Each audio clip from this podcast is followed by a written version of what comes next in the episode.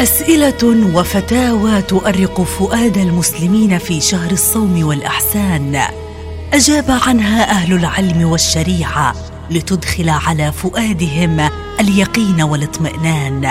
وبين الجواز والنهي والمكروه والمستحب سنقدم لكم قطوفا من الفتاوى الدينية في برنامجكم الرمضاني فتاوى رمضانية. مع فضيلة الشيخ ياسين أبو خصوان إذا كان يصلي الوتر وأذن أذان الفجر فهل يكمل وتره؟ أجاب على هذا السؤال فضيلة الشيخ لؤي الشربجي بالآتي الحمد لله والصلاة والسلام على رسول الله وبعد.